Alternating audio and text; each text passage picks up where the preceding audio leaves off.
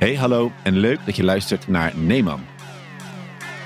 De podcastserie Neeman wil bewuste en onbewuste seksistische genderstereotypen van en over mannen aan het licht brengen en deze doorbreken door een ander verhaal te laten horen. Ik ben Jules En ik ben Daniel. en deze podcast geeft een beeld van mannenemancipatie en de veelvormigheid daarvan.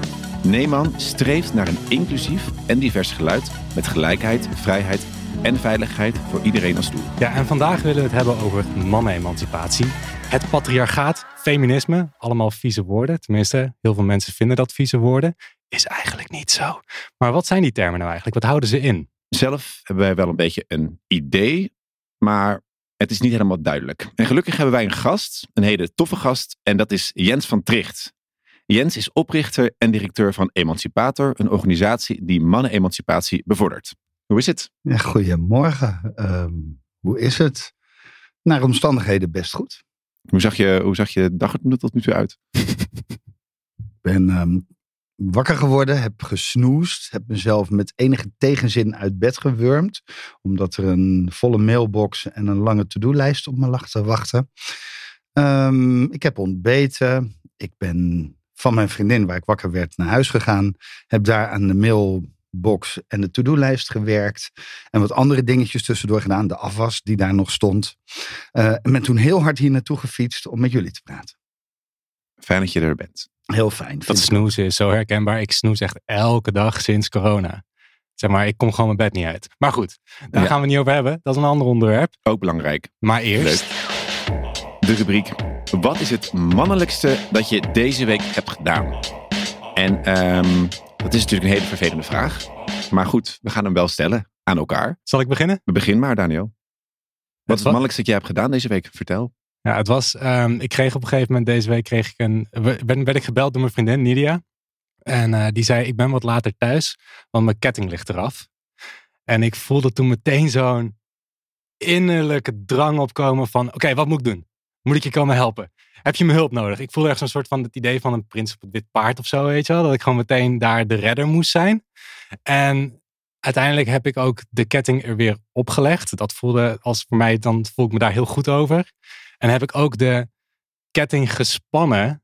En ik vraag me dan, ik vraag me dan heel erg af van waarom voel ik dan zo'n soort van, een soort van plicht dat ik die ketting erop moet leggen of die ketting moet spannen. En waarom voel ik me ook zo goed erover? En ik vertel dat ook aan Nidia. En Nidia die zei ook zo van, ja, maar ik vind, het ook wel, ik vind het ook wel lekker als je dat doet. Het is ook wel lekker om te zien. Maar waarom heeft het er dan mee te maken dat je een man bent en een ketting erop legt? Nou, ik heb, ik heb toch een soort meegekregen of zo dat je, dat je vanuit, vanuit mijn vader, dat je dan dingen moet fixen. Mijn vader die fixte alles. Dus ik vond ook zo, mijn vader was de fixer thuis. En ik associeer dat ook wel dan wat met wat een man moet doen. Zeg maar, naast dat je Mhm. dus moet providen, dat je ook dingen moet fixen. En ook het liefst met je handen. En ik vind het dan ook vet als mijn handen helemaal vies zijn. Dan denk ik bij mezelf, ah ja, ik ga het schoonmaken. Maar het lukt net niet helemaal. Dan zie je nog een beetje zwart onder mijn nagels. Dat laat je gewoon expres een beetje zitten. ja, precies. Ja. Ja, weet niet. Ik, ik vind het toch... Ja, ik associeer dat dan toch wel met mannelijkheid. En het geeft me ook wel weer een goed gevoel. Terwijl ik ook weer denk van, ja, waarom? Ik vind het ook een lastige vraag om te beantwoorden. En ik heb er ook even over nagedacht. Er kon eigenlijk op niet zoveel dingen komen.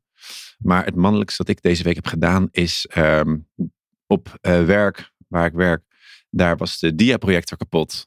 En ehm, ja, ik kom ook met een technisch verhaal. Wat echt heel vervelend is eigenlijk. De diaprojector was kapot. En ehm, nou bleek dat er iets was met de afstandsbediening van dat ding. kwam ik achter. Ik was echt blij dat ik dat had ontdekt.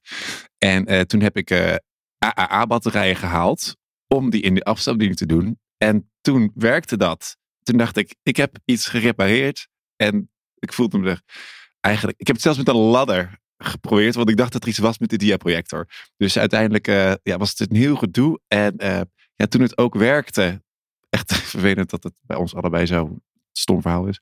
Toen het ook werkte, eh, toen dacht ik wel, nou, dat is volgens mij echt super mannelijk dat ik dit heb gedaan. Ja, maar het is toch dat gevoel van dingen fixen of zo? ja, maar weet het je? is ik weet niet wat, dat het zo Ja. mannelijk voelt. Is dat voor jou herkenbaar, Jens? Ja, ik herken de verhalen natuurlijk. Ik herken ook wel de gevoelens van voldoening als ik dingen fix of met mijn handen kan maken. Ehm, maar ik heb natuurlijk wel geleerd om de vraag te stellen: waarom vinden we dat dan mannelijk? Ja, dat Dus mijn antwoord op de vraag is ook: Ehm, nou, ik heb verschillende antwoorden op de vraag. Ik heb maandag een hele dag met mijn kinderen doorgebracht. Voor ze gezorgd, met ze gespeeld. eh, leuke en minder leuke dingen meegemaakt. Ehm, ik heb gisteren 12 uur gewerkt voor de goede zaak. En maar liefst drie keer op een podium gestaan. Een virtueel online podium weliswaar. Om ehm, iets te zeggen over hoe mannen zich kunnen uitspreken en inzetten om geweld tegen vrouwen tegen te gaan. Dus ja, ik denk het is heel mannelijk in deze wereld om heel hard en heel veel en heel lang te werken. En ook nog eens een keer belangrijke dingen te doen op een podium. Maar ja, aan de andere kant om je als man uit te spreken tegen mannelijk geweld tegen vrouwen wordt weer vaak juist niet gezien als mannelijk. Helaas, dat, dan zou je haast hopen dat dat zou veranderen, zodat meer mannen het gingen doen. Maar ik hoop dat ze dat dan eerder als mens dan als man per se doen. Ja, en zorgen voor je kinderen wordt natuurlijk helemaal niet als mannelijk gezien. Maar dat is wel waarin ik vader ben. En dat is dan wel weer een heel mannelijke rol. Dus ehm, ik zie vooral altijd de complexiteit hiervan. En ook de tegenstrijdigheid. En ik denk, ik vind het ook leuk om dat te koesteren. Ja, en aanhaken bij het technische ding. Toen ik gisteren thuis kwam. Toen had mijn vriendin, die had, een worsteling met haar cv-installatie. Yes, En ze had verhaal. met een loodgieter gebeld of appcontact over hoe ze dat op moest lossen. En ze liet mij die appjes zien en de foto's. En toen werd ik dus even erop aangesproken van, oh, moet ik het nu fixen? Maar ik was zo moe en ga en ik keek ernaar en ik dacht, ik snap er niks van. dus dat zei ik ook. En ik vind het ook ergens heel fijn als zij gewoon haar eigen dingen oplost. En ze was gaan googlen en had een oplossing gevonden. En ik zei, ah, wauw, fijn, weet je. Dus dan kan je het zelf oplossen. Maar toen ik naar bed ging en ik zag die radiator, kon ik toch niet nalaten om even op mijn knieën te gaan liggen. Zie ik nou, ehm, zie ik nou waar het zit, zeg maar? Of, of kan, ik, kan, kan, ik- kan ik het snappen? Eh, het was natuurlijk leuk geweest als ik het even had kunnen oplossen.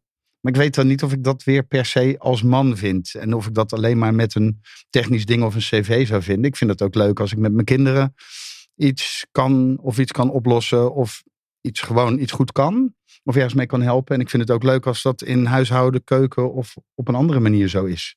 Als ik iets handigs bedenk. Dus het is ook gewoon leuk om nuttig te zijn in deze wereld. Ja. Toch? Ja. Nuttig zijn en je ook gewild voelen in die zin. Dat je nodig bent. Ja. Ja. Ja, en dat hoeft natuurlijk niet per se iets mannelijks te zijn. Of iets, dat is gewoon, dat doe je als mens. ja, maar toch heb ik dat ik altijd dat associeer met dat een man dingen fixt. Ik krijg dat toch echt heel moeilijk uit. Ik denk dat we daar de komende tijd nog heel veel over gaan hebben. Ja, waarom dat dan zo is en waarom we er dan zo over denken. Ja. En ik voel me nu ook een beetje naar het verhaal van Jens een beetje oppervlakkig dat wij dat soort hele technische dingen als mannelijk zien. En ja, ik ben nog niet vader, maar ik vind de vaderrol ook wel een hele mooie vorm van mannelijkheid. Vertel me meer, vertel me meer. Vertel me meer, vertel me meer. Laten we het hebben over mannelijkheid en meer specifiek over hoe je als mens wordt gevormd tot een mannelijk mens. Want wat is mannelijkheid? Ja, is dat een fietsketting op de fiets leggen, zoals ik net vertelde? Of is dat he- heel oppervlakkig? Is dat het vuilnis naar buiten brengen? Is dat naar de tandarts gaan? Is dat zorgen voor brood op de plank? Batterijen vervangen van de afstandsbediening? Eh, gespierd zijn, een baard hebben? Dit zijn wel dingen die wij associëren met mannelijkheid.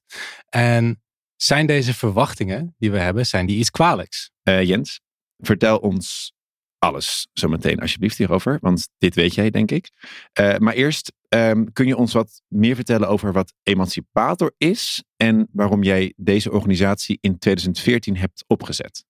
Ja, Emancipator is een organisatie die mannen-emancipatie bevordert. En mannen-emancipatie definiëren wij als een bijdrage van mannen aan vrouwen-emancipatie. En een zodanige verandering van ideeën over mannelijkheid dat mannen daar ook beter van worden. Dus bevrijding van traditionele mannelijkheid zou je kunnen zeggen.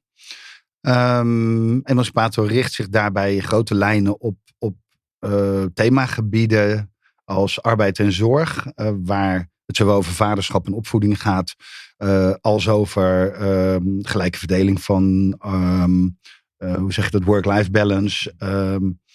Eh, vrouwen stimuleren om betaald werk te doen of te ondersteunen daarin, of in technische beroepen of naar de top, maar ook mannen richting zorgende beroepen te krijgen. Eh, geweld en veiligheid is een belangrijk thema. Geweld is een ontzettend groot probleem dat gelijkheid in de weg staat. eh, waar de meeste vrouwen last van hebben. Of het nou is omdat ze het zelf ervaren of omdat de dreiging er altijd is. Maar ook mannen hebben er last van. Mannen doen elkaar ook geweld aan. Ehm, en allerlei vormen van geweld waar de samenleving zich druk over maakt, worden in overgrote meerderheid door mannen gepleegd of veroorzaakt. Dus er is een problematische relatie tussen man en mannelijkheid en geweld. Uh, relaties en seksualiteit is een thema waar natuurlijk heel veel gebeurt als het gaat om man-vrouw verhoudingen, opvattingen over mannen en mannelijkheid. En gender en diversiteit, uh, wat de laatste jaren ook steeds duidelijker is geworden. Dat eigenlijk um, de hokjes waarin we mensen indelen sowieso ter discussie komen te staan. Maar ook dat die hokjes enorm kunnen verschillen afhankelijk van naar welke context, gemeenschap, buurt, stad, land, cultuur, uh, et cetera je kijkt. Ja, ik raak je al kwijt, zie ik nou. Nee, nee, nee het is een heel, heel lang en uitgebreid antwoord. Ja. Oké, okay, uh, maar om, om te begrijpen wat, wat je net zei, dan het is denk ik wel een goed idee, een goed idee om te begrijpen wat het, de traditionele visie is op mannelijkheid. Ja. En je, je kaart een aantal problemen aan. Nee, maar dus hoe moeten we mannelijkheid daar zien? Daar kan ik ook mee. Kijk, ja. Tegenwoordig is het zelfs zo dat nog voordat je geboren wordt, worden bij gender reveal parties al feestjes gevierd om jongens in blauw en meisjes in roze te stoppen.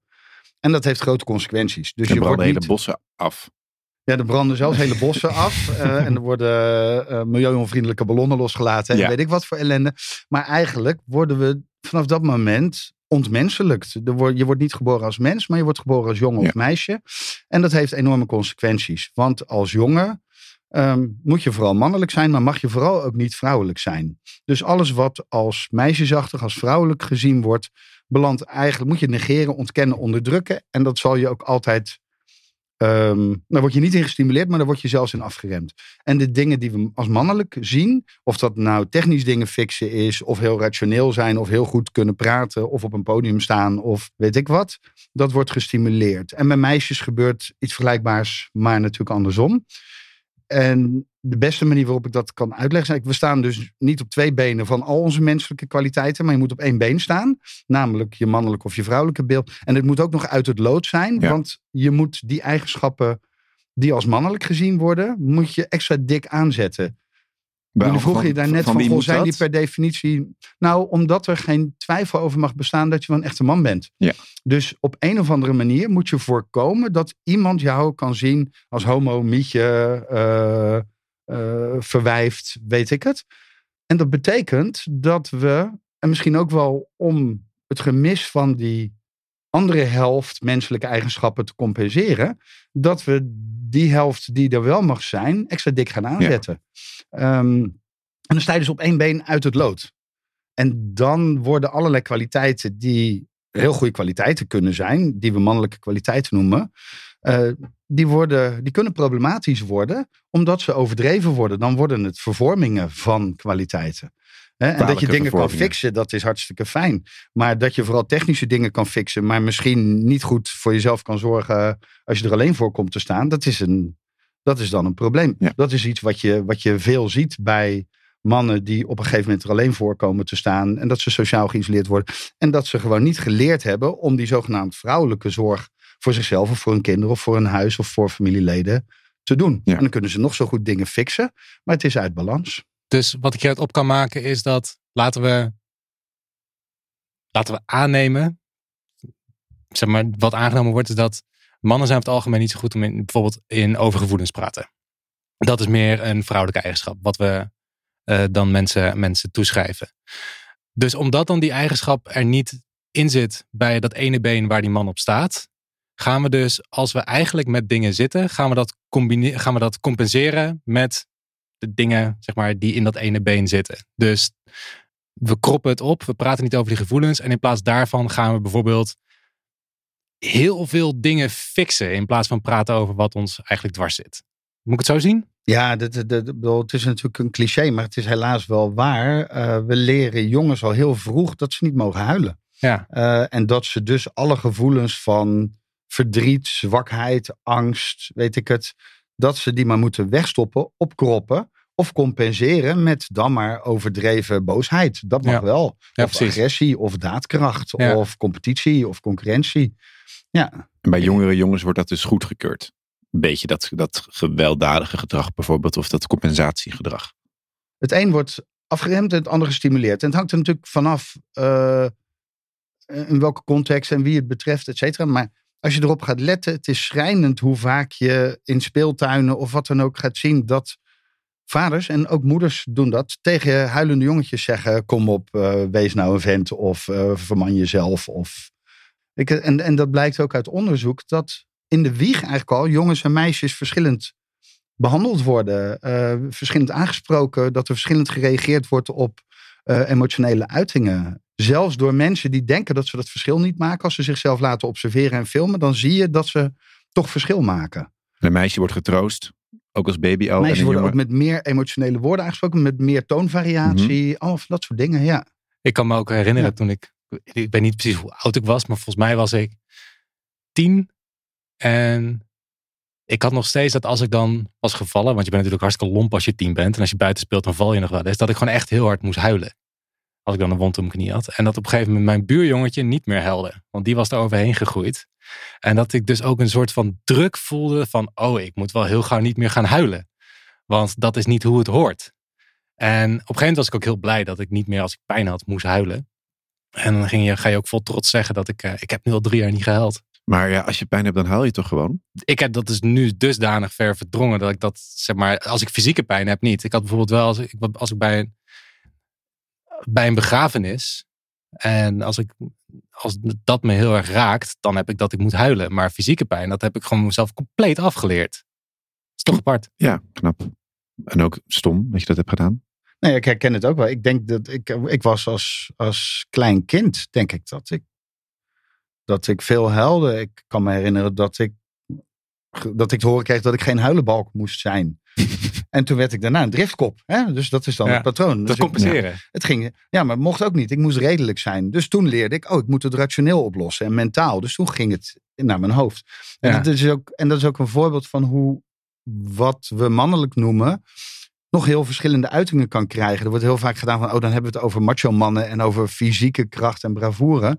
Maar eh, enorm rationeel in je hoofd, eh, onthecht van je gevoelens zijn, is net zo goed een, eh, een manier die we als mannelijk zien en aan mannen toeschrijven. En zo zijn er nog veel meer manieren om. hè, je kunt technisch heel handig zijn, dat is er ook zo een. Dus er zijn verschillende manieren waarop je dat blauwe voorschrift in kan vullen.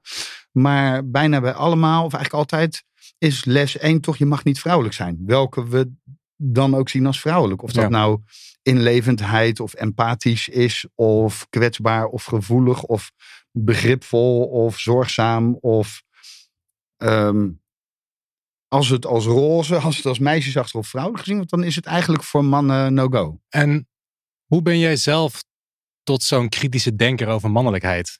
Hoe ben je dat geworden? Hoe is Ja. dat gegaan? Dat gebeurde hier in Amsterdam in de kraakbeweging. Ik kwam eerst in aanraking met verschillende vrouwen die nou allerlei vreselijke dingen hadden meegemaakt met mannen. Eh, eh, geweld, seksueel geweld, eh, incest. ook gewoon allerlei gevallen van heftiger en minder heftig, alledaags seksisme, mannendominantie. Ehm, en toen kwam ik op een gegeven moment in een pand te wonen met vier vrouwen en nog een andere man. En daar hebben we dagelijks gesprekken gevoerd over deze dingen. Over hoe wij in elkaar zaten, hoe we ons tot elkaar verhielden. Over hoe we de taken en rollen verdeelden. Technische klussen, huishouden, emotionele zorg. En over welke jaren dingen. praten we nu? Dit was eind jaren 80, begin jaren 90. Ja. Van de vorige eeuw, moet ik erbij. Ehm, ja, opa vertelt. Ehm, nou, en wat, wat voor mij, moment was het echt het kwartje. Want eerst kon ik nog bij dat soort verhalen denken, dat zijn de uitzonderingen in deze wereld. Dat zijn heftige gevallen, maar die krijgen hier hun plek om aandacht te krijgen en om dingen te helen en om het onrecht aan te kaarten. Maar eigenlijk werd me heel snel duidelijk dat het veel structureler was en institutioneler. En zelfs ook in onze eigen kringen een rol speelde. En in mijn eigen socialisatie. En dat er dus een verband was tussen al het onrecht waar wij als radicale activisten dagelijks voor op de barricade stonden. Ehm, al oorlog, uitbuiting, fascisme, militarisme, eh, milieuproblematiek, toen ook al koude oorlog, weet ik het. Ehm, die worden allemaal veroorzaakt door mannen, voor grootste deel. En het zijn ook vaak mannen die ervan profiteren. En er was een direct verband met hoe wij in onze bevrijde ruimte gingen proberen een alternatieve, betere wereld te scheppen. Dus de persoonlijke politieke waren daarin aanwezig. Oké, wij willen dat onrecht aankaarten. Wij voeren daar actie tegen. Wij willen ook een alternatief creëren. Hoe doe je dat dan? Als je gesocialiseerd bent in een wereld die je zo langs mannelijke of vrouwelijke lijnen beperkt en stuurt. Ja, Dus daar ben ik, daar, ik weet niet, daar ben ik hiermee hieraan verslingerd geraakt en niet meer van losgekomen. Dus eigenlijk het kwalijke zaadje dat mannelijkheid heet. Nee, ik zou eerder zeggen het kwalijke zaadje dat gender heet. Oh ja. Als constructie die ons ontmenselijkt door ons eh, te beperken en te sturen. Ja. Ja. Want ik denk dat vrouwelijkheid in, net zo kwalijk is eh, in de manier waarop het vorm krijgt en, en, en sturend en beperkend werkt in deze samenleving. Ja, maar dat gaat dus over de maatschappelijke ideeën, gedragingen, constructie ervan. Gaat niet over het man zijn of vrouw zijn op zich. Ik geloof niet dat er iets kwalijks is aan wat je bent, maar wel wat je doet. Ja. En wat je doet, dat, eh, dat leer je. eh, en dan word je gesocialiseerd en, en beperkt. En nou ja, daar zijn gewoon allerlei dagelijkse voorschriften. Homo, mietje is nog steeds het meest gebruikte scheldwoord op, eh, op alle scholen. En dat is het, het belangrijkste instrument zo ongeveer waarmee mannen dagelijks ook zichzelf ehm, eh, binnen de lijntjes houden. Want je moet oppassen dat er niemand komt die zegt: Goh, maar ben jij wel een echte man? Ben jij geen homo? Ben je geen mietje? Ben je misschien te vrouwelijk? Onmannelijk zijn is echt voor mannen blijkbaar heel erg. En dat is wel interessant, want terwijl we mannelijkheid dus met kracht en, en, en weet ik wat, een autonomie associëren, is het tegelijkertijd heel fragiel. Kan het je zomaar afgenomen worden? Oh ja. Eh, Als er maar iemand komt die jou ontmaskert of zou kunnen ontmaskeren als niet echte man, dan, dan brokkelt alles af. En daar komt dan ook weer die, die, die, die andere kant. Daarmee wordt het dus, ja, kan het tot een giftige vorm van mannelijkheid komen. Omdat je, om, om die fragiliteit te maskeren, ehm, ja, je extra mannelijk voor moet doen. Dus dat masker wat je opzet, dat, dat, dat maakt eigenlijk dat je een heel, jezelf in hele lastige bochten moet wringen. Om maar die mannelijkheid, dat masker van mannelijkheid op te kunnen houden. Ja, en ik denk dat dat vaker onbewust dan bewust gebeurt. Er zijn weinig mannen die zeggen: Goh, vandaag ga ik eens even lekker mannelijk doen. Want we doen gewoon dit soort dingen als dingen fixen, of hele goede verhalen kunnen vertellen, of lekker veel geld verdienen, of heel belangrijk zijn, of lekker onze workout doen in de sportschool, of heel goed voor onze kinderen zorgen, of wat dan ook. En dat geeft ons een goed gevoel. Maar onbewust gebeurt dat allemaal binnen, de, binnen het script van mannelijkheid dat de maatschappij je aanbiedt en de mogelijkheden die daar zijn. En gelukkig zien we de laatste, nou, 10, 15 jaar, maar ik denk eigenlijk de laatste decennia, dat je moet zeggen, zie je al dat daar ruimte en beweging in komt. Er is een enorme ontwikkeling als het gaat over betrokken vaderschap. Zoveel vaders met draagdoeken en kinderwagens en papadagen als je nu ziet, zag je 15 jaar geleden niet. Eh, dat er ministerraden in hun planning worden aangepast omdat vaders op tijd naar huis moeten om met hun kinderen te zijn. Er was geen sprake van. En ik vind dat het allemaal nog veel verder mag gaan. En, en, maar het zijn hele goede beginnetjes. En we zien dat er steeds meer mannen zijn die zeggen: ja, allemaal leuk die mannelijkheid. Ik weet niet eens of ik mij wel man voel. Ik ben als man gesocialiseerd.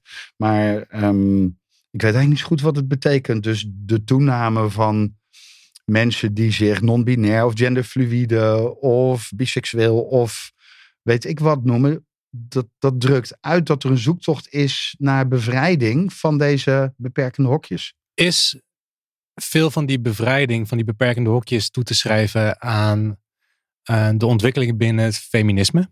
Ja, natuurlijk. Ik, weet dat, ehm, dus ik aarzel even. eh, omdat ik letterlijk probeer te herhalen wat je zegt. Veel de, kijk, in mijn beleving. Nou goed, ik heb ook niet voor niks een boek geschreven over waarom feminisme goed is voor mannen. Ja, ja, ja. Laten we Ik- beginnen bij het begin. Wat, hoe moeten we feminisme zien? ik zie feminisme tegelijkertijd als een, een kritisch analyse-instrument en een, een methode van verandering, of die uitnodigt tot verandering. Maar ik ben me heel bewust dat er in de wereld allerlei verschillende soorten stromingen zijn die zich feministisch noemen en die het soms ook helemaal niet met elkaar eens zijn.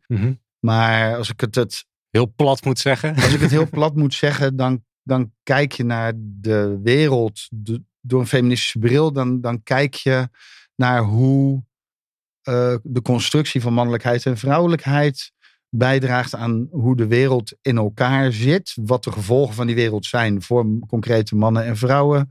Hoe dat zich verhoudt tot onrecht en rechtvaardigheid. En het biedt dus ook een strategie om er iets aan te veranderen op politieke vlak door te zorgen dat mannen en vrouwen en ook mannelijkheid en vrouwelijkheid gelijk gewaardeerd worden, gelijke kansen krijgen, gelijk behandeld worden. Maar door dat ook op individueel niveau uh, bij mensen uh, ruimte te geven. Want we zullen er naartoe moeten dat we erkennen dat mannen en vrouwen en alle andere mensen zijn. En over dat volledig potentieel aan menselijke eigenschappen beschikken. En dat we die in vrijheid en gelijkheid en in veiligheid moeten kunnen ontplooien en ontwikkelen Mhm. en inzetten. En dat ze dan ook nog gelijk gewaardeerd moeten worden. En wat, Ehm, je, Ga jij maar, Daniel. en wat je ook net zei, is dat we worden dus gesocialiseerd binnen een bepaalde mannelijke norm. En daar moet je ook aan voldoen. En omdat het, het feminisme ehm, stelt vragen en bekritiseert het systeem waar we in leven. En door die kritische vragen te stellen en dat te bekritiseren, daardoor brokkel je eigenlijk ook die norm af. En daardoor is er ook ruimte voor, ja, hoe moet je dat zeggen, een andere mannelijke norm. Dus, dus Ja, ik weet niet of je naar een ander. Ik, ik ben Ja, eerder voor een veel, beetje- veel fout van Ja. normen of het bevrijden van normen. precies. Maar goed, dat is, eh, je hebt een einddoel en je hebt de stapjes die je kunt zetten. Ja. Het feminisme is natuurlijk een, een, een, een beweging voor sociale rechtvaardigheid. Die aankaart dat het niet terecht is dat mannen zoveel meer bezitten en verdienen. En, en bevoorrechte behandeling genieten op allerlei vlak. Dat de wereld onveilig is voor vrouwen. Op straat, op het werk, maar zeker ook thuis. Ehm, dat veel van die problemen door mannen veroorzaakt worden. En dat mannen daar ook iets aan moeten veranderen. En wat is de rol van een man binnen het feminisme? Want voor heel veel mensen voelt, en dan is een aanname, voelt feminisme Ja. als iets wat vanuit de vrouw komt. Feminien. Ja. Ja. En wat is dan de rol Ja. van een man Ja. daarbinnen? Mijn eerste opmerking is: de man en de vrouw bestaan niet. Ja, Het is ook, precies. Dat is echt ook een, een, een valkuil. Want daarmee gaan we heel erg denken in een soort. Binair. Ja, maar in een soort eenduidigheid ook. Weet je? Mannen en vrouwen zijn ontzettend veelzijdig en veranderlijk en divers en, en tegenstrijdig en complex. En we moeten niet doen alsof er één archetypische man of vrouw is. Dat is een deel van het probleem dat we dat vaak doen. Ehm, in mijn beleving, ik bedoel, het feminisme is kritisch ten opzichte van de ongelijke behandeling. En ook de problematische rol die mannen daarin kunnen spelen. En, en vaak spelen en gespeeld hebben. Maar ehm, het feminisme is een beweging die zich inzet voor een betere wereld voor iedereen. Ehm, eh, het feminisme zoals ik het heb leren kennen, heeft ook altijd mannen uitgenodigd om daar deel van uit te maken. Ehm, de kiesrechtsstrijd is in de tijd ook niet alleen door vrouwen gevoerd, waar mannen in aanwezig. In Dolomina en man-vrouw maatschappij zaten ook mannen. Ehm, er zijn ook allerlei initiatieven door de jaren en door de eeuwen heen zelfs al geweest, waarin mannen ook hebben gezegd: Goh, wij moeten ook op zoek naar verandering. Er is voor ons ook daar wat in te winnen. Mijn kortste samenvatting is eigenlijk: feminisme heeft mannen nodig voor een betere wereld en mannen hebben feminisme nodig voor een beter leven. Amen. Dat is mooi. ja, want weet je, die. Ja, dus natuurlijk is er een, eh, is een gespannen verhouding. Op het moment namelijk dat mannen en mannelijkheid bekritiseerd worden in hun vanzelfsprekendheid, in de legitimiteit van de verhoudingen. Wanneer er gezegd wordt: Goh, jullie zijn deel van het probleem, jullie moeten deel van de oplossing worden. Dan is dat spannend voor de mannen die zich daardoor aangesproken voelen. En Ja. misschien nog wel spannender voor de mannen die zich niet aangesproken voelen, maar er wel op aangesproken worden. Nou ja, dat is waar we middenin zitten, denk ik. En tegelijkertijd wordt nu, dat vind ik interessant aan, aan de huidige tijd. Het wordt zo duidelijk dat het niet houdbaar is, dat patriarchaat, die verhoudingen waarin man en mannelijkheid Waardoor hoger gewaardeerd. Omdat we, eh, en dan spreek ik even vanuit Nederland, Europa, Noorden, Westen, eh, eh, weet ik het. Omdat we leven vanuit idealen en ambities en pretenties van gelijkheid en rechtvaardigheid en weet ik het. Die we niet waarmaken wanneer we mannen en vrouwen zo verschillend blijven behandelen. We kunnen niet doen alsof dit een wereld is waarin we gelijkwaardig zijn en veilig en vrij wanneer geweld dagelijks zo'n rol speelt, waarin vrouwen thuis en op het werk en op straat niet veilig zijn, waarin vrouwen weten dat ze, eh, hoe hard ze ook werken, minder betaald zullen krijgen dan, dan mannen, gemiddeld genomen. Ehm, en ga zo maar door, waar, waar verworvenheden en autonomie voor vrouwen eigenlijk steeds nog op de tocht staan of onder, onder druk. Dus het past niet bij ons eigen eh, pretentie en ambitie van, van wat we beschaving noemen. Ehm, maar, en je ziet ook op individueel niveau dat voor mannen ehm, het leven van mannen is niet zaligmakend. Weet je, dus, dus mannen die iets willen doen aan verbetering van hun levenskwaliteit.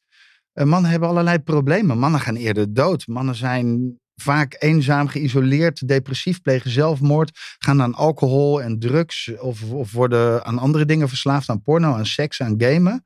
Ehm, mannen hebben ook last van andere mannen, van, van de eeuwige competitie op de apenrots, Eh, eh, de dreiging van mannelijk geweld, eh, de problemen waar we ons in de wereld druk over maken.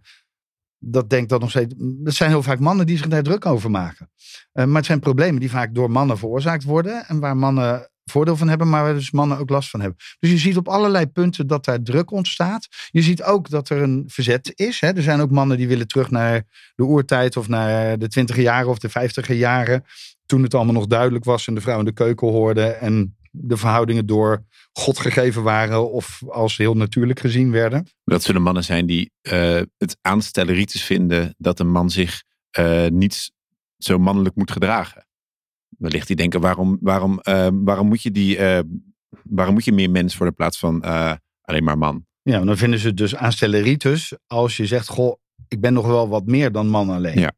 Ja, nou ja, dan denk ik, dat is jammer voor die mannen. Nee, dus ik, ik herken best veel van de onzekerheid en de vragen en ook soms de klachten die er leven bij mannen die, die nu in crisis zijn. En sorry, die crisis van mannelijkheid, die is al gaande zolang als ik me hiermee bezig hou. Dus dat is niks nieuws.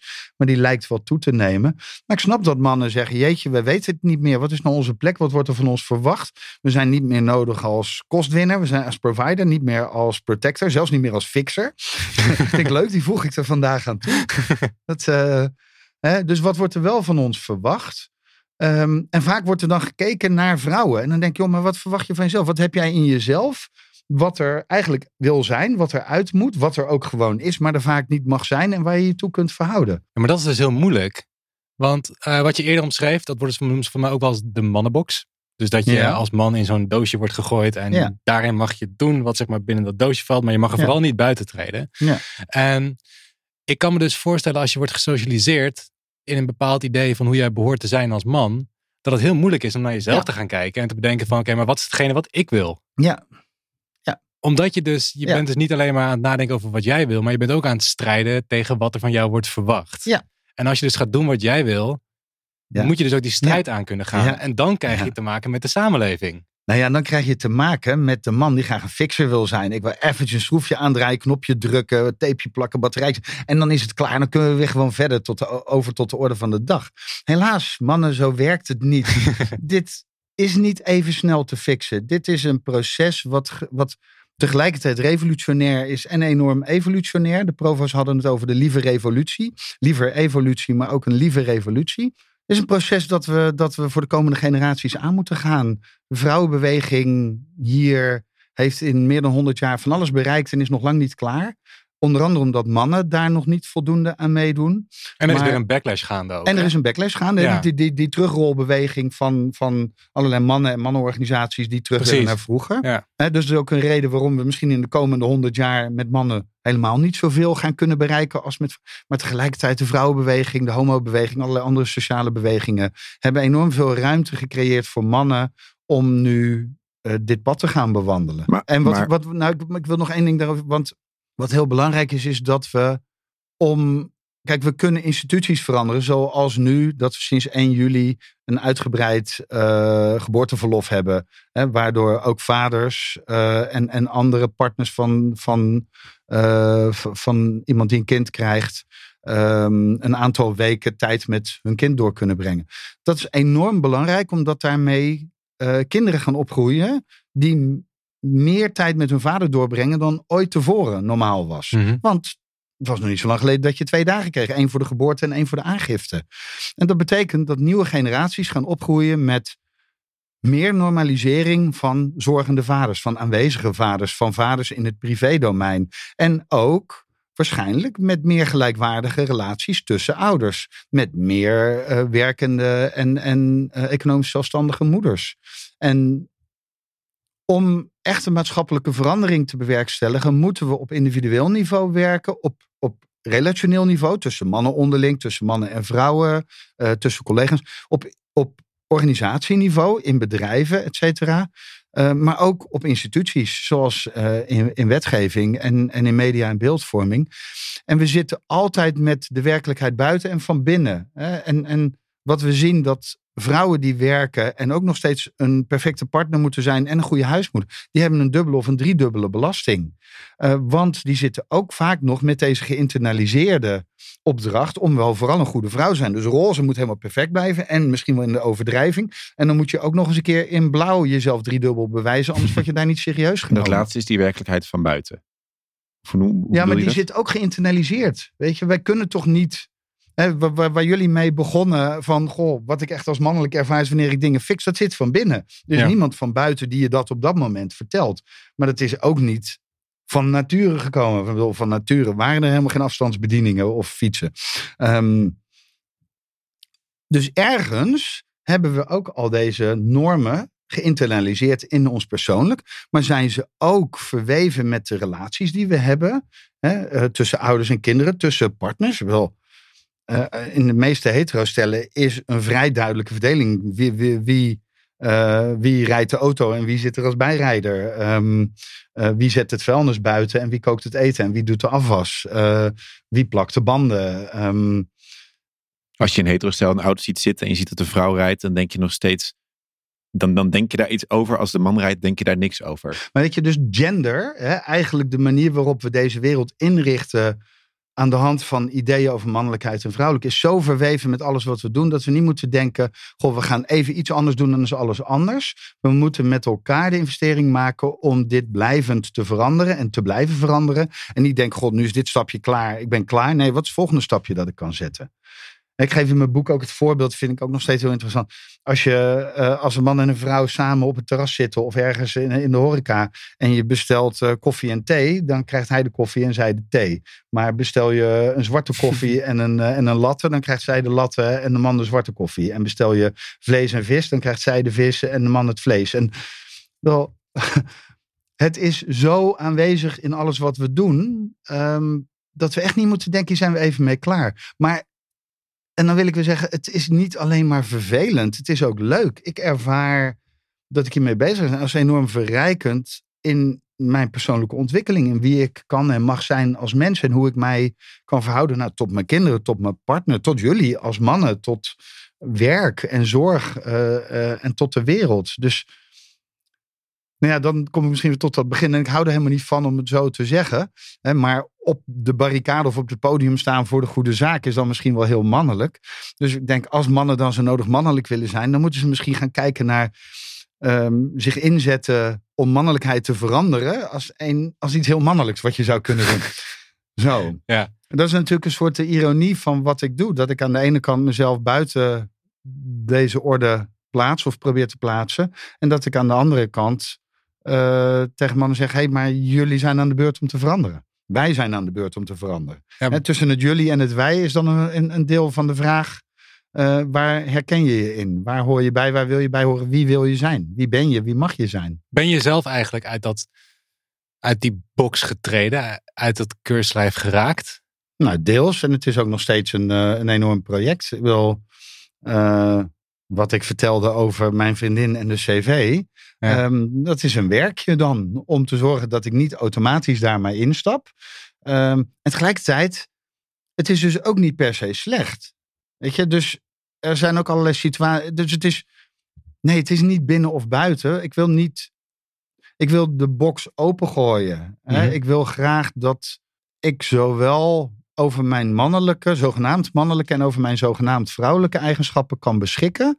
En dat ik mijn repertoire zo groot mogelijk heb. En dat ik met zoveel mogelijk van die eigenschappen vertrouwd ben. En dat ik ze gepast kan gebruiken en inzetten wanneer ze nodig zijn. Met beide benen op de grond staan eigenlijk. En ook. Nou ja, dat is, dat, maar ergens Ja. betekent het ook gewoon dat ik echt mezelf daarin probeer te mogen zijn. Maar dat is iets wat nooit klaar is. Nee, precies. Dat, ja, Nou, je bent daarvoor al, je staat daarvoor redelijk op de barricade. Maar als ik dan kijk naar een tijd van ver voor corona, eh, namelijk 8 maart 2020, toen was de Women's March in Amsterdam. ja. Dan zie je dat er toch heel erg veel vrouwen zijn en dat de man die de strijd aangaat toch nog ontbreekt. En ehm, hoe, hoe kan jij die onzichtbare rol van de man verklaren? Ja, je zegt weer de man, maar Ja, er waren ja, allerlei sorry. Mannen goed bij de Women's March. Eh, eh, sorry, we komen van ver. Hè? Er was ook een tijd dat vrouwendagen en, en vrouwenmarsen helemaal women-only waren. En dat mannen daar niet bij mochten zijn of er überhaupt niet bij wilden zijn. Ik zie, dat is het voordeel van... Nou, in dit geval vind ik een voordeel van het al wat langer meegaan. Ik zie een verandering waarbij ik zie dat steeds meer mannen hiermee bezig zijn. Dat ik met jullie nu dit doe, is, is iets wat er ook tien jaar geleden niet was. En er zijn allerlei podcasts die vragen stellen over deze veranderende rol van mannen. En dat vind ik super interessant. Bij de Women's March liepen allerlei mannen rond. Het Ehm, viel me gewoon niet op.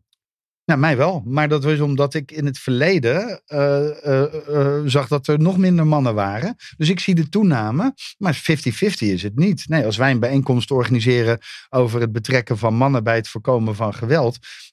En we richten ons expliciet op mannen, dan zijn we blij als er de helft mannen zijn. En wanneer het niet expliciet gedaan wordt, dan moet je blij zijn als er een derde mannen is. Eh, maar vroeger waren er één of twee. Ik was heel lang voor mijn gevoel een roepende in de woestijn. Die af en toe wat andere roependen tegenkwam. Eh, er waren natuurlijk in de jaren 70, 80 allerlei manneninitiatieven geweest. Dus er zijn ook allerlei mannen die uit die tijd nog dingen deden of gedaan hadden. En daar kwam ik dan tegen. En dat zien we ook met Emancipator. Er zijn eh, tientallen organisaties die nu met ons samenwerken om jongens en mannen te betrekken bij het voorkomen van geweld. Er zijn ook steeds meer organisaties die iets willen om vaderschap te bevorderen, om jongens en mannen richting zorg te stimuleren. We zijn deel van platform Vaderschap. Er zijn allerlei vaderinitiatieven. Onze workshops gericht op het, op het transformeren, het veranderen van die opvattingen over mannelijkheid voor scholen en jongerenwerk, die vinden steeds meer aftrek. Ehm, dus ik zie dat er een groei is die er eerder niet was. En die maakt deel uit van een wereldwijde ontwikkeling.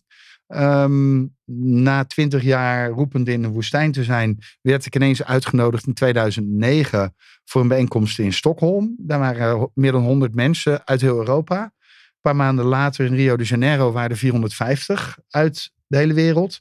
En nu, een paar weken geleden, was eh, een online symposium, helaas door COVID, eh, vanuit Kigali in Rwanda. Ehm, en dat gaat nog steeds door. En er is gewoon een wereldwijde beweging, Men Engage genaamd, ehm, met duizenden organisaties die dit soort werk doen. En waar professionals, mannen en vrouwen en organisaties samenwerken aan een betere wereld. Door jongens en mannen deel te maken van, van de oplossing, van emancipatie. Maar hoe kan het dan dat in deze tijd, als je kijkt naar het begint met, met een roepen in de woestijn, er nu een soort vloedgolf over de hele wereld plaatsvindt, waarop eigenlijk op meerdere plekken op de wereld tegelijkertijd een bepaalde stem naar voren komt? Nou, ik denk het was hoog tijd. Voelden mensen dat dan? Dat het hoog tijd was? Was er een aanleiding? Is er een. Is er een, een, een- Ja, dat is natuurlijk net zo ontstaan als het nu met ons hier in Nederland gaat. Er waren wereldwijd hier en daar kleine initiatieven die iets mee deden. Bedoel, Zoals ik net schetste, eh, de vrouwenbeweging heeft altijd aan mannen gevraagd: Goh, doe eens wat. Word deel van de oplossing. Spreek je uit, zet je in. Ehm, vraag, nou ja, de- de- die agenda die is er al heel lang. En dat is natuurlijk wereldwijd op allerlei plekken ook gebeurd. En er zijn overal ook wat mannen geweest die zich dat aangetrokken hebben. En die kwamen elkaar dan tegen en die zijn netwerken en verbindingen aangegaan. En zagen dat dit op andere plekken ook gebeurt en hebben van elkaar geleerd. En eigenlijk zijn dat de drie functies waarmee wij met Emancipator ook begonnen zijn. Eigenlijk vanuit eh, eh, de inspiratie en de werkwijze van Men Engage. Aan de ene kant door te verbinden maken we dingen zichtbaar en dat werkt agenderend, maar dat werkt ook versterkend doordat we van elkaar leren, deskundigheid uitwisselen, capaciteit opbouwen, elkaar weten te vinden, ehm, samen kunnen werken. Dus ja, ehm, ik kan ook zeggen dat dat nu wereldwijd gebeurt, is natuurlijk gewoon ook onderdeel van de globalisering. Ja. En gebeurt in zekere zin ook in de slipstream van eh, hoe het Westen of het Noorden of wat dan ook eh, een hele genderagenda over de hele wereld uitgerold heeft. Hè, in een paar eeuwen al. We hebben onze opvattingen over mannelijkheid en vrouwelijkheid en relaties en seksualiteit redelijk dwingend opgelegd eh, aan landen en culturen en gemeenschappen over de hele wereld. Voor de en dat heeft ontzettend veel. Nou, dat heeft heel veel negatieve gevolgen gehad. Ik bedoel, nou, er zijn. eh, nou goed, dat, dat, dat is denk ik een aparte Mhm. podcast waard om daar eens naar te kijken. Ehm, nee, het, het, het christendom heeft natuurlijk een, een vrij strakke moraal op dit gebied overal eh, opgelegd. Maar als gevolg daarvan spelen ook overal vergelijkbare problemen, weliswaar in heel verschillende contexten. En als gevolg van de globalisering vinden die elkaar nu ook weer makkelijker om daar, tegen, daar iets aan te gaan doen. En wat ik daar interessant aan vind, hè, zo ook in Nederland, door, want dan kom ik nog een keer op het gebruik van de man. Ja, Ehm, graag leg uit waarom het niet gebruikt weet moet je, er zijn zoveel verschillende manieren waarop die roze en blauwe manbox, waarop het kostwinnerschap, het protectorschap, het fixerschap ehm, vorm krijgen. Maakt nogal uit of je, ja, of dat in een stad of in het platteland gebeurt, of dat in Nederland of waar dan ook ter wereld gebeurt, of dat hier in Amsterdam gebeurt of eh, In Zoetermeer. nou, voor Zoetermeer, ja, dan zitten we nog in de Randstad. Heb je iets met Zoetermeer? Ik weet niet, het kwam Ja. gewoon in me op. Ah ja, oké, ja, ja, ja, goed.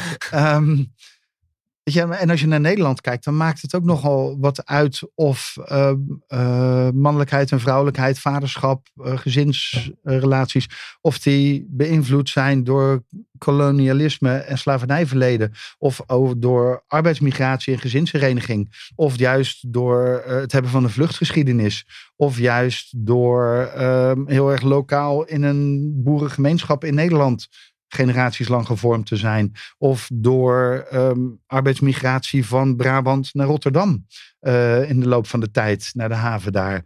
Dat heeft allemaal invloed op de verschillende manieren waarop mannelijkheid en vrouwelijkheid vorm krijgen, beleefd worden, et cetera. En tegelijkertijd ehm, zie je over de hele wereld dat dat idee dat mannen wel kostwinner moeten zijn en niet vrouwelijk mogen zijn en de beschermer moeten zijn, dat, dat dat vergelijkbaar is. Maar de manier waarop dat vorm krijgt, eh, kan enorm verschillen. Ehm, en ik durf te wedden dat hoe jij hier nu zit, anders is dan hoe jij vanavond ergens anders zit. Ik weet dat dat bij mij is. Ik zit hier anders dan toen ik vanmorgen wakker werd. En ik zit hier anders dan toen ik gisteren eh, op een podium zat met allemaal vrouwen. eh, of toen ik maandag met mijn kinderen was. Ik ben dezelfde man, Mhm. maar tegelijkertijd ben ik heel anders. En is mijn constellatie van wat je mannelijkheid of vrouwelijkheid zou kunnen noemen, is heel anders. Je bent En een, een, door een mijn van- leven heen verandert die ook. Ja, dus we moeten niet doen alsof. Want dat, dat is dan de volgende stap vaak. Man en vrouw zijn nu maar de man. En dat zou impliceren dat jij en ik meer gemeen hebben dan zij en ik. Ja. Eh, en dat is maar de vraag. Ja. Of dat zo is. Dat, ja, ik geloof niet dat dat zo is. Ik denk dat het er heel erg van afhangt door welke bril, met welke lens je gaat kijken.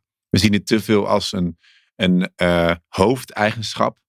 Maar het is gewoon, je bent een ui en die bestaat uit verschillende lagen. Ja, dat is een mooie verwijzing naar Anja Meulenbelts boek De Schillen van de Ui. Zeker. Ja. Ja, ja, ja. Lekker, Jules. Ja. Mooie verwijzing. Ja, Even, dankjewel. even intertekst. Ja, Ja. altijd goed om Anja Meulenbelt te doen. nee, kijk, we, daar hadden we het over feminisme en mannen. Anja Meulenbelt is, is natuurlijk een grote naam in het feminisme in Nederland. En heeft zich ook al jaren uitgesproken over de rol van mannen. Aan de ene kant heel kritisch, aan de andere kant onderzoekend naar wat, hoe verhouden ze zich daartoe, hoe kunnen we ze bevrijden, hoe kunnen ze zichzelf bevrijden.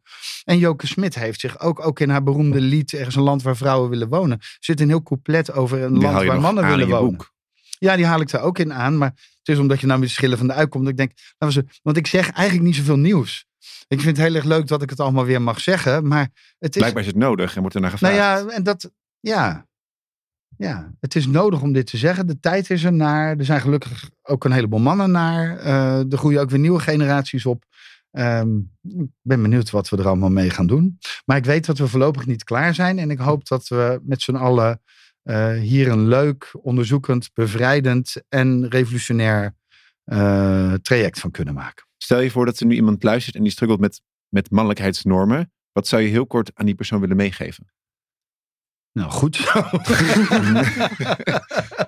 Toppie.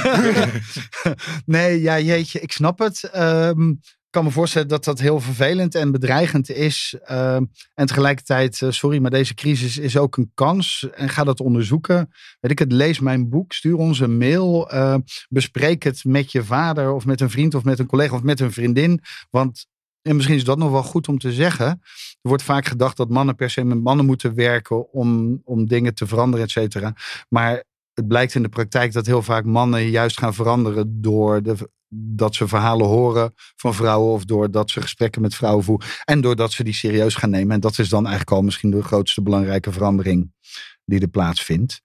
Ehm, en het is natuurlijk bekend dat vrouwen heel veel emotioneel werk voor mannen doen, omdat ze het vaak moeilijk vinden om daar met andere mannen over te praten. Maar koester je struggle, eh, doe er iets mee, praat erover ehm, en verdiep jezelf erin. Educate yourself. Ja.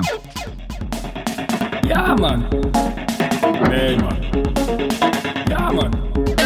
Nee, man. In de rubriek Ja man, nee man delen wij tips of inzichten die wij tegen zijn gekomen op het wereldwijde web, in de kranten of waar dan ook ter wereld.